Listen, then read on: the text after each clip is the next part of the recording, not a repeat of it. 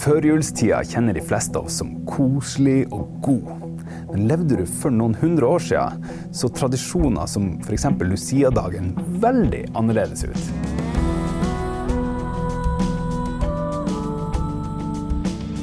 Observatoriet er en forskningspodkast fra UiT Norges arktiske universitet.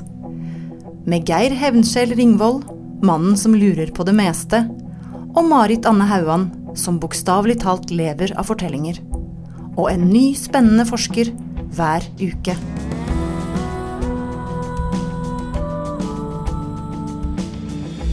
Liv Helene Wilhelmsen, velkommen til oss. Tusen takk. Geir, eh, Liv Helene hun er noe så sjelden som en kvinne som har to doktorgrader. Ja, oi, du kan godt si oi. Ja. Hun har en doktorgrad i litteraturvitenskap, der hun har skrevet om Regine Normann og hennes forfatterskap. Og så har hun en doktorgrad i historie, der hun har skrevet om de nordnorske trolldomsprosessene på 1600-tallet. Så vi har en kvinne som både representerer litteraturvitenskapen og historien som vitenskap. Uh, og det er særlig spennende uh, for meg som folklorist, Liv Helene, å, å ha deg her som gjest i dag. Det er spennende for meg å være her som gjest også. Jeg tenker meg sånn helt uten å, uten å kjenne det materialet som du har brukt for å skrive disse to doktorgradene, så tenker jeg meg så godt som du gjør, ikke sant, og at de er fremme både for Geir og meg, så tenker jeg meg at du har når du har vært inni disse, så har du kommet langt inn i den nordnorske fortellertradisjonen og folketrua. Kan det stemme? Ja, det vil jeg si at det som binder sammen de her to store forskningsarbeidene som jeg har gjort i doktorgradene, det er fortellinger. Det er fortellingskunst at folk i muntlige samfunn som vi er vitne til på 1600-tallet, og i det samfunn som Regine Normann kjente fra 1800-tallet, så er det fortellingskunst som er det som binder sammen de her to områdene. Regine Nordmann sitt forfatterskap og de historiske trolldomsprosessene på 1600-tallet. Og grunnen til at fortellinga kommer inn i trolldomsprosessene, det er at i Finnmark har vi et stort antall kvinner som anklages for å ha utført trolldom. Disse kvinnene føres for retten. Og når de står der i rettslokalet og blir forhørt av en myndighetsperson, så presses de til å avlegge en tilståelse. De presses ganske hardt. Det er bruk av tortur, og det er harde pressmidler. Og grunnen til at de presses så hardt, er at det skal komme ifra deres egen munn at de har utført trolldom, og at de har inngått en pakt med djevelen. En farlig tilståelse å komme med, for neste steget er bålet. Men disse tilståelsene det har opptatt meg helt ifra jeg begynte å lese disse rettsreferatene. For disse tilståelsene de er forma som fortellinger. Kvinnene gjør det de kan. De holder seg sjøl oppreist som et menneske helt til siste slutt ved å avlegge ei fortelling i en rettssal. Og i denne fortellinga er der innvevd både det de kan av tradisjonskunst, og det de kan om forskjellige merkedager i året, samtidig som de tar inn nye og farlige ideer om at de har vært med på samlinger av trollfolk med djevelen til stede. Så det er det at de kan fortelle, er fellesnevneren, vil jeg si, for disse kvinnene på 1600-tallet anklaga for trolldom, og Regine Nordmann sin fortellerkunst. Altså, da er fortellinga et mestringsområde. Og når du nå har nevnt merkedager, så er det altså Vi må bare si det som det er. I dag er det 13. desember, det er Lucia-dagen. Og det er en, når denne podkasten kommer ut. Ja. ja. Og hvis man hører den i reprise, så kan de høre den når som helst. Men når vi lager den, så er det altså 13. desember. Ja, vi og, sier at eh, vi lager den litt før. Vi skal, skal være såpass ærlige. Nå er det OK, sorry. Klovn? Eh, men i alle fall så er det sånn at 13. desember er, har vært en sterk dag i, i fortellertradisjonen og i folketrua. Og det interessante med den er at den kobler den offisielle katolske tradisjonene og den folkelige. Hva, hva du tenker om denne dagen? Hvilken dag er det? Ja, det er jo en dag hvor man begynner å nærme seg jul. Og i dag tenker vi sånn vi er på vei imot den lengste og mørkeste dagen og lengste og mørkeste natta. Men de tenkte tidligere, når de hadde en annen kalender som heter den julianske kalender, så tenkte de at vintersolverv falt på 13. desember, og at det var lengste natta. Og dermed tenkte de også med en gang lengste natta, det er det mest farlige. Da åpnes det opp for forbindelser mellom vår verden og den andre verden, som ikke er åpen på andre dager enn disse merkedagene i året. Og Derfor er det at dette har fulgt med i tradisjon og i fortellergrep, kan du si, også på senere perioder av eh, historien. Og vi har jo nå en annen dag som er den lengste og mørkeste. Men 13.12. stammer altså fra denne annerledes kalenderen. Ja. Så i våre dager når ungene går rundt og deler ut boller og har hvite kjortler og lys i håret og sånn, så fremstår den som en sånn veldig snill dag. Altså sånn dele på goder, ikke sant. Men det var ingen snill dag i i den førmoderne tid?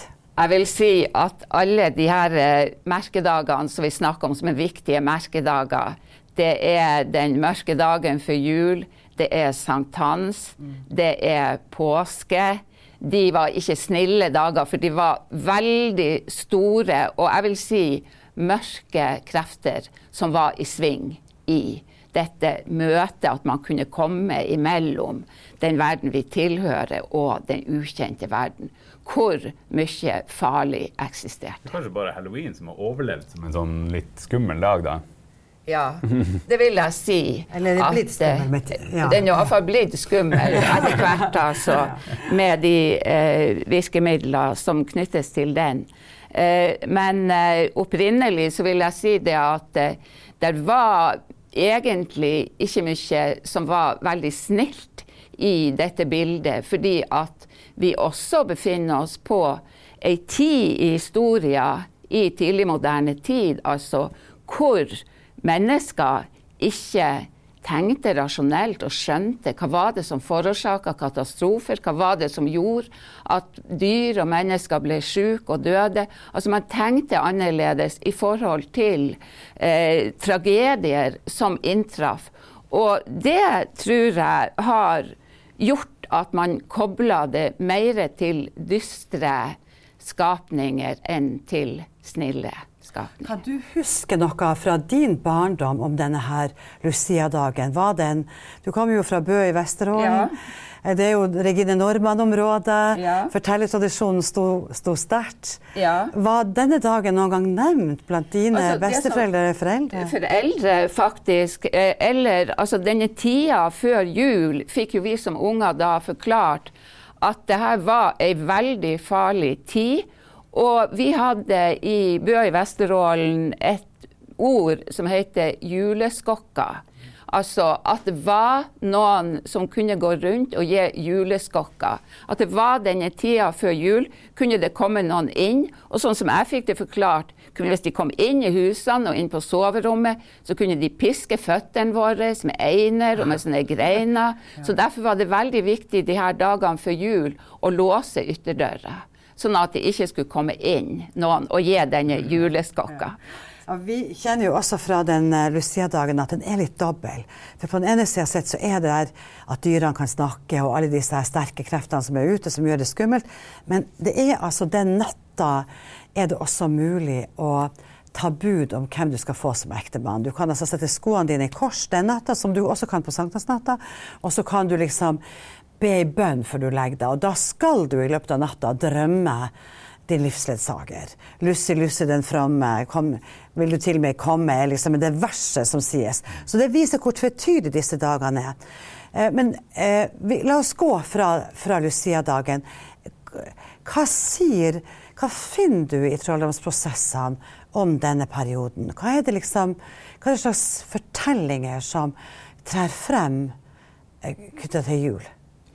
Da vil jeg gå til de første alvorlige trolldomsprosessene i Finnmark. De starta i 1620. Det er hele 1600-tallet som er perioden for trolldomsprosessene i Finnmark. Fra begynnelse til slutt på 1600-tallet. Men det kom i 1620 inn noen ideer som ikke var kjent før. Og det her var lærde ideer fra Europa om at et menneske kunne gå inn i en pakt med djevelen.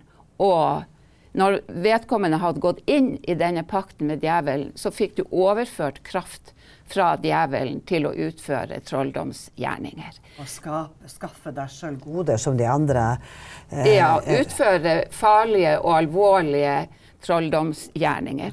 Dette var forskjellig fra den tradisjonelle trua, den gammeldagse trua på trolldom, som jeg kaller det for. Den gammeldagse trua at du kan kaste trolldom. Noen mennesker kan, fra de er født omtrent, kaste trolldom over mennesker og dyr.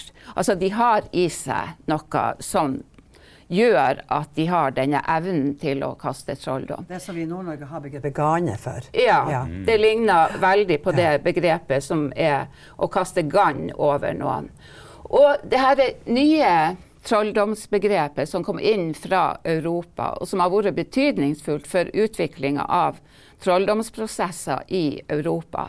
Det var ikke bare det at du gikk inn i denne pakten med djevelen, men det var også det at du hadde vært med på samlinger med mange trollfolk. Og midten av denne samlinga, det var djevelen sjøl som innehadde. Og de her tankene om at man var samla mange, og at man tilba djevelen på disse samlingene, det førte til at i et forhør, når du kom til dette punktet at du fortalte den som var anklaga, fortalte at de hadde vært med på ei trolldomssamling, så kom bestandig opp neste spørsmål hvem andre var til stede.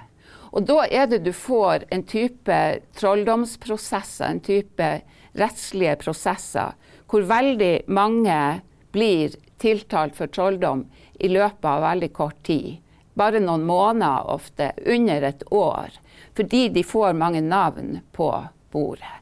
Så det er i denne forståelsen av de nye trolldomsideene kobla til noen tragedier som har skjedd oppe i Finnmark like før at vi nærmer oss jul. Mm. Og disse første som blir anklaga for trolldom i en sånn kjedeprosess hvor mange var anklaga samtidig, det skjer i 1620-1621. Skjer i løpet av noen måneder. Og det de er først anklaga for, det er å ha skapt en storm tre år tidligere, i 1617, hvor ti båter fra Kiberg og Vardø gikk ned, og det var 40 mennesker som omkom. Dette er det de tilstår. Og en av de som har avlevert en sånn tilståelse, det er i 1621. Hun sier uh, at um, de bandt hver deres knute på et stykke snør, og hver bleste derpå. Så kom det onde vær, og de mange folk blev. Ydermere bekjente hun at hun forgangen julenatt, altså forrige julenatt, så hentet Marit Olsdatter henne i Bergen. Og hun var i en hundelignelse og satte henne ned i Vardøen på Ballvollen, og hun selv var i en tispelignelse. Da var det flere forsamlet, og to var i varjelignelse, altså som ulver.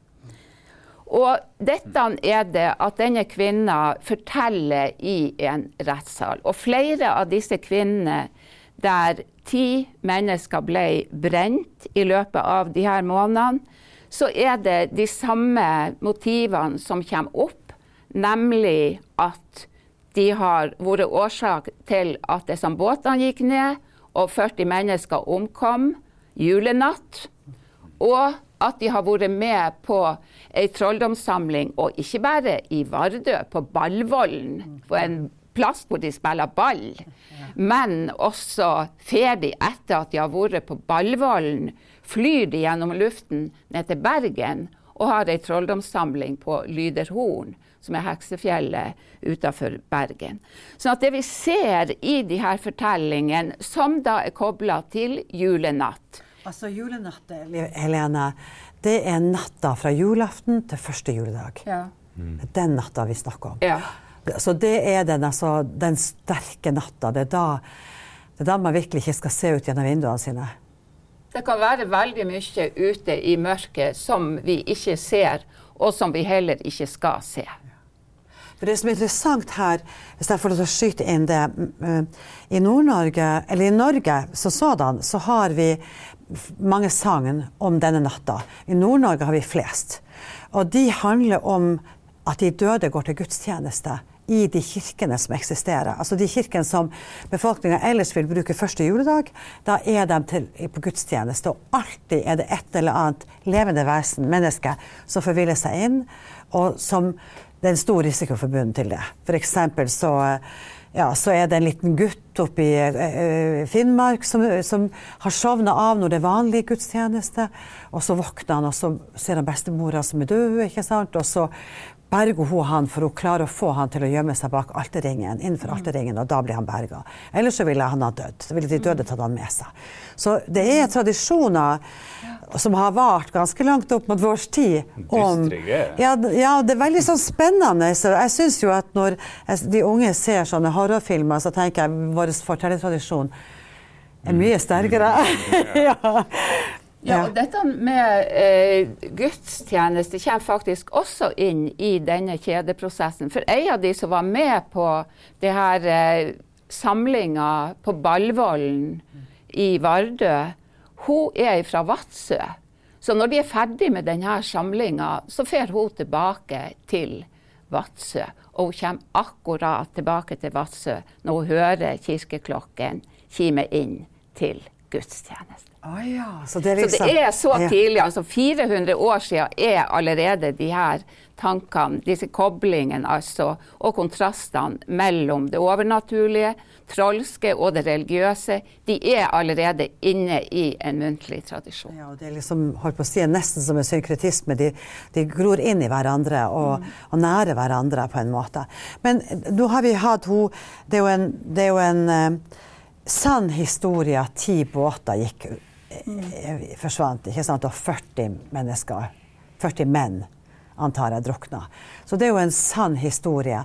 Eh, er, er hun den eneste som, som, nevner det i den trolldomssaken? Er det bare én sak det kommer opp? Nei, det kommer opp i de her eh, som bekjenner eller avlegger tilståelser eh, i denne kjedeprosessen i 1620-21. Mm. Så kommer det opp i de fleste av disse tilståelsene både at de har vært og forårsaka de her forlisene, og at de har vært med på disse trolldomssamlingene i Vardø, på Ballvollen og i Bergen.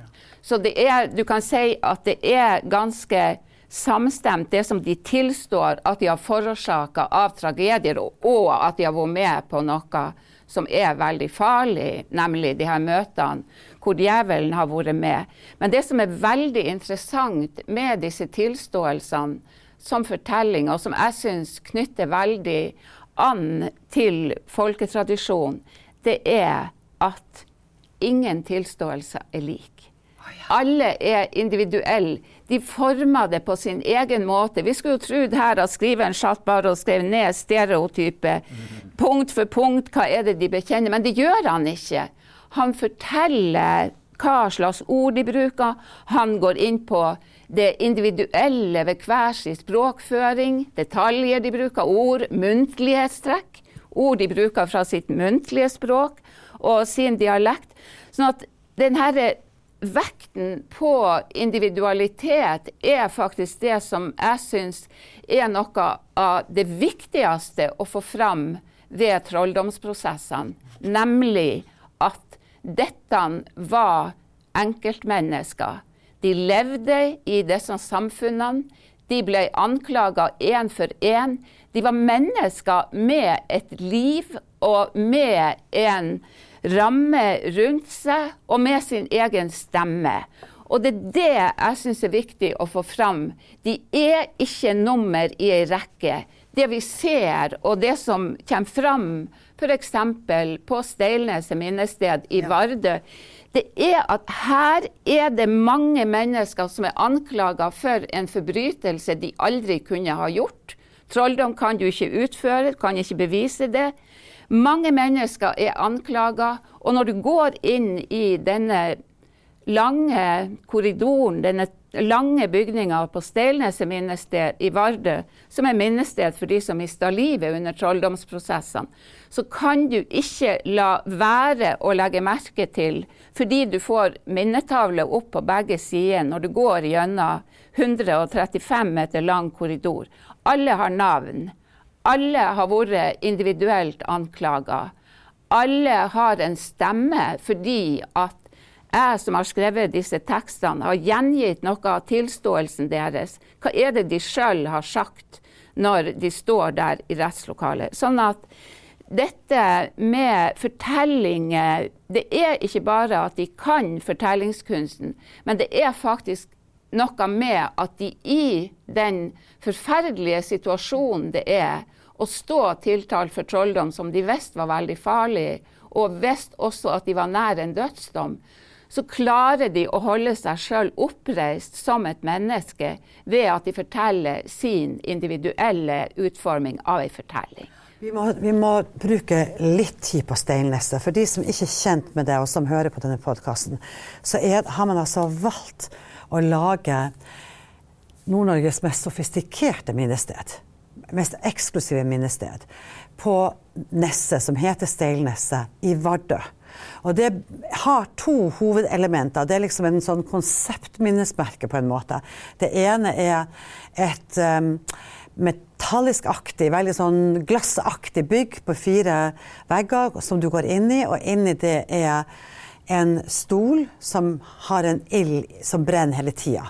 Og det er inni den dette bygget at uh, den anerkjente, velkjente amerikanske kunstneren Louis Bourgeois har laga denne stolen. Det er hennes kunstverk. men, men, selve det bygget, og i det bygget du snakker om, dette lange bygget, så er det en arkitekt, også anerkjent arkitekt, som du må fortelle oss hvem er som har laga? Ja, Stelneset minnested, som er minnested for ofrene for trolldomsprosessene i Finnmark har det bygd på tre komponenter. Det er kunst, arkitektur og historie. Kunst er denne installasjonen som står i en glasspaviljong, en frittstående glasspaviljong. Og der er det en brennende stol. Over stolen er det montert syv ovale speil som avspeiler objektet i midten. Avspeiler stolen fra forskjellige vinklinger. Så du får veldig sterkt inn dette med at når du avspeiler et objekt, så er det vinklinga på den avspeilinga som gjør hva er det du ser i denne speilen. Og de som går rundt denne installasjonen, rundt denne stol som har en femfingra flamme i, i midten, de blir også sjøl fanga inn i et av de speilene. Sånn at du er ikke lenger en tilskuer, men du er faktisk en deltaker. Mm. Og stiller jo dette veldig vanskelige spørsmål. Hvordan ville du på 1600-tallet ha befunnet deg om du hadde levd på den tida og vært involvert i anklager mot angivelige trollfolk. Den andre bygninga på Stelnes er 150, 135 meter lang bygning, ei trakt. En lang korridor. Og denne korridoren da går du gjennom hele korridoren med minnetavler på begge sider. Den er ikke så bred, så du, du kommer ikke unna. Der to kan gå ved siden av Ja. hverandre. Så du får disse minnetavlene over de 91 ofrene veldig tett innpå deg. Og enten du går fort eller sakte, kan du ikke unngå å se. Her er det veldig mange navn, her er det enkeltmennesker, og du kan heller ikke unngå å se at det er en veldig gjentagelse av dommen, nemlig til ild og bål. Det eneste som er inne i denne lange korridoren, er de 91 ofrene sine minnetavler. Ingenting annet. Og det var enighet mellom arkitekten og meg, som har da skrevet alle tekstene på disse minnetavlene ut fra informasjon fra originalkildene. At det skulle ikke være noe annet enn de 91 ofrene, og man skulle gå rett på dem. Når man kommer inn ei dør inn til denne korridoren, da møter du enkeltofferet med en gang. Der er ingen buffer. Det eneste som kan gi lys, små lysglimt, når du er inne i denne korridoren, det er 91 små vinduer som er montert i ulik høyde. Du kan se ut himmel, hav eller jord. Og det er den måten du har så å si å unnslippe på. Det er hvis du ser ut de her små vinduene. Og framfor hvert vindu er der ei lyspære, ei enkel lyspære. Så det er veldig enkel symbolikk, og det er en minimalistisk eh, arkitektonisk eh, utforming av dette rommet som gjør at disse minnetavlene, nemlig ofrene, det som er grunnen til at minnestedet er bygd, de kommer veldig godt fram. Altså innholdet i dette minnestedet er ofrene Ja, for trolldomsprosessen. Ja, du må ta en tur og se. Hvem er arkitekten? Arkitekten er en sveitsisk stjernearkitekt som har fått Pritzkerprisen i arkitektur. Han heter Peter Sumtor, og han holder til i en liten landsby i Sveits som heter Haldenstein. Så da jeg skulle begynne å skrive disse tekstene til Steilneset, så var det første jeg gjorde, at jeg reiste ned og snakka med arkitekten, og vi ble enige om hva slags uttrykk er det vi skal gi innholdet i dette minnestedet. Hva er det vi vil vise? Og vi var veldig enige. Vi vil vise individer. Vi vil vise enkeltpersoner. Det, I dag så er det jo sånn at du sier allerede at dit, dit må du komme, Geir, for å se. Og det er jeg helt enig med deg. Men for de som ikke har sjansen til å komme til Vardø, så går det an å, å skaffe seg boka om Steilneset og lese om det. For det er godt beskrevet i ei bok som, som dekker prosessen og dekker innholdet, og som akkurat har dette. Men nå går vi altså tilbake til jula. Ja. Nå hadde du eh, så fin en fortelling her om dette, eller fin fortelling, det var kanskje feil ord valgt, men fortellinga om det forliset og den julenattssamlinga. De som gjorde seg om til hunder og ulver. Ja, ikke sant? Og, og kommer i hammen av Det er også en gammel tradisjon dette at man kunne ta dyrs ham. Så hvis du, eh, Ofte så kan man jo tenke på et menneske at det der er altså faktisk en due. ja. Men er det andre steder i rettsprotokollene hvor jula kommer til uttrykk i disse mestrings- og livsfortellingene som du refererer til? Ja, det fortsetter ut gjennom 1600-tallet, og jeg har veldig lyst til å lese rett opp fra rettsprotokollen en sak ifra eh, den siste store kjedeprosessen. Det var i 1662-63. Det var den siste krampetrekning, vil jeg si, i Finnmark. Fra høsten i 1662 og fram til april i 1663 så var det altså mer enn 30 mennesker anklaga for trolldom. Kvinner. Alle kvinner. Det er kvinner i disse kjedeprosessene, og det er norske kvinner som er mest eh, utsatt. Og eh, denne siste kjedeprosessen i Finnmark, den satte på sett og vis et punktum for de her veldig intensive forfølgelsen av trollfolk. Og blant annet var det seks småjenter var anklaga for trolldom da i 1663. Men i denne eh, rekken av tilståelser som ble levert, og 20 kvinner ble brent i løpet av her månedene, brent levende i Finnmark, på Steilneset. Eh, det er en av tilståelsene som ei dame som heter Solve Nilsdatter eh, avlegger, og som jeg syns er fin både fordi den illustrerer dette med at merkedager og jul og trolldom, det er ikke noe som bare har med Finnmark eller Nord-Norge å gjøre. For hun tilstår at hun har vært på Dovre. Mm. Og der holdt julefeiring. Men det er også noe med at du får faktisk inn allerede Nå er vi bare litt over midten av 1600-tallet. Så vi er nesten 400 år tilbake i tid. Men vi får faktisk inn et motiv som brukes veldig mye i eventyr, nemlig Askepott. Som danser av seg en sko. Cinderella på engelsk. Så hun Solve Nilsdatter, hun Eh, eh, tilstår altså i eh, dette året 1663.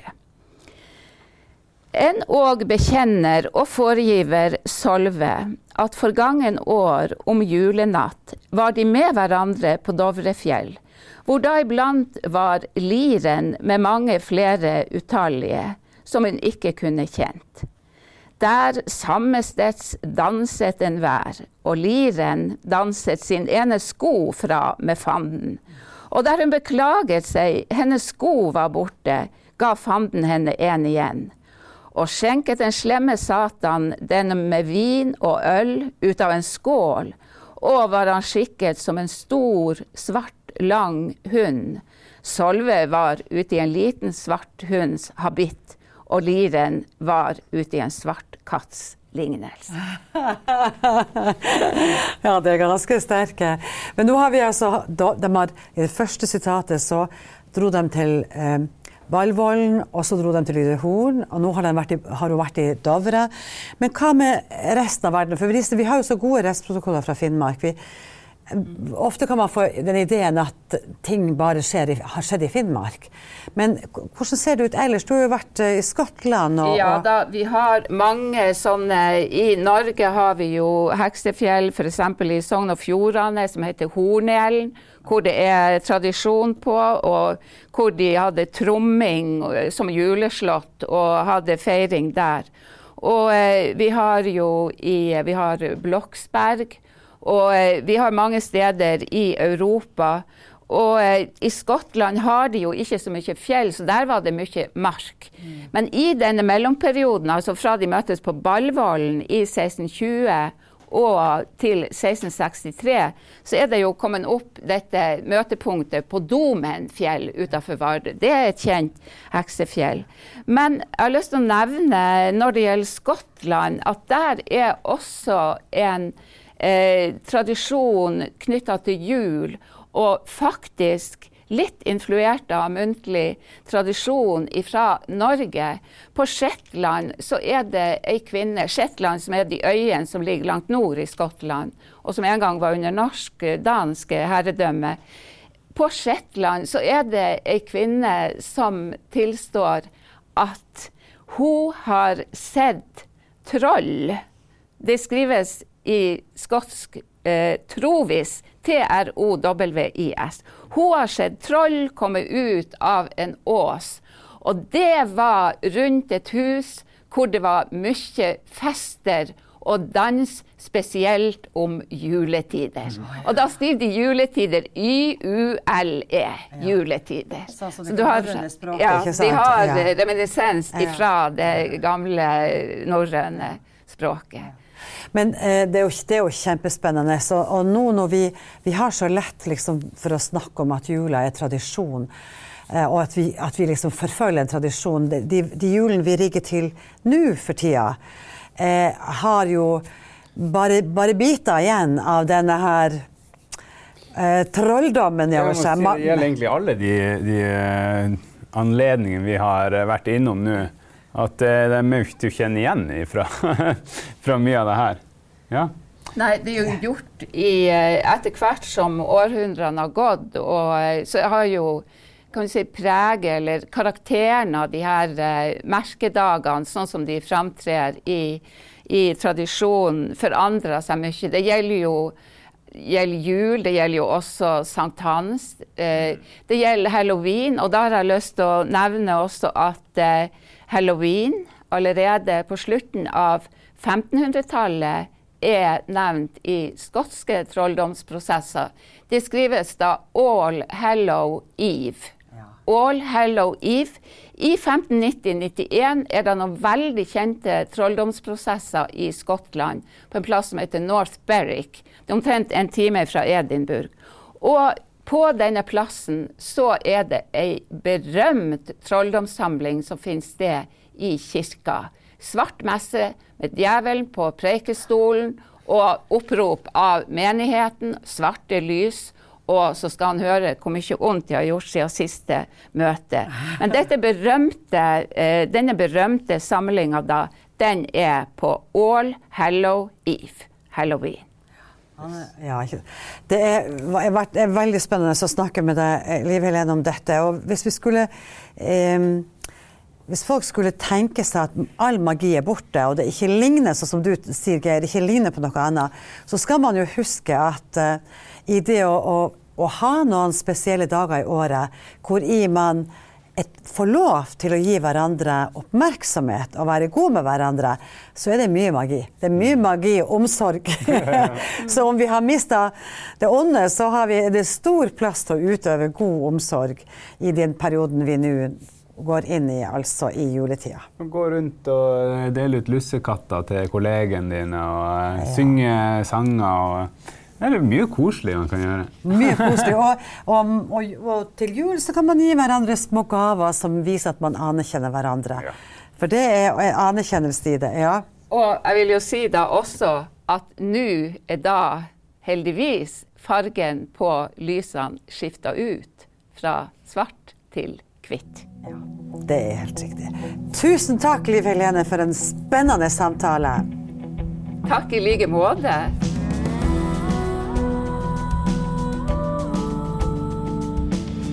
Sjekk ut kronikken til Liv Helene Willumsen på uit.no 50.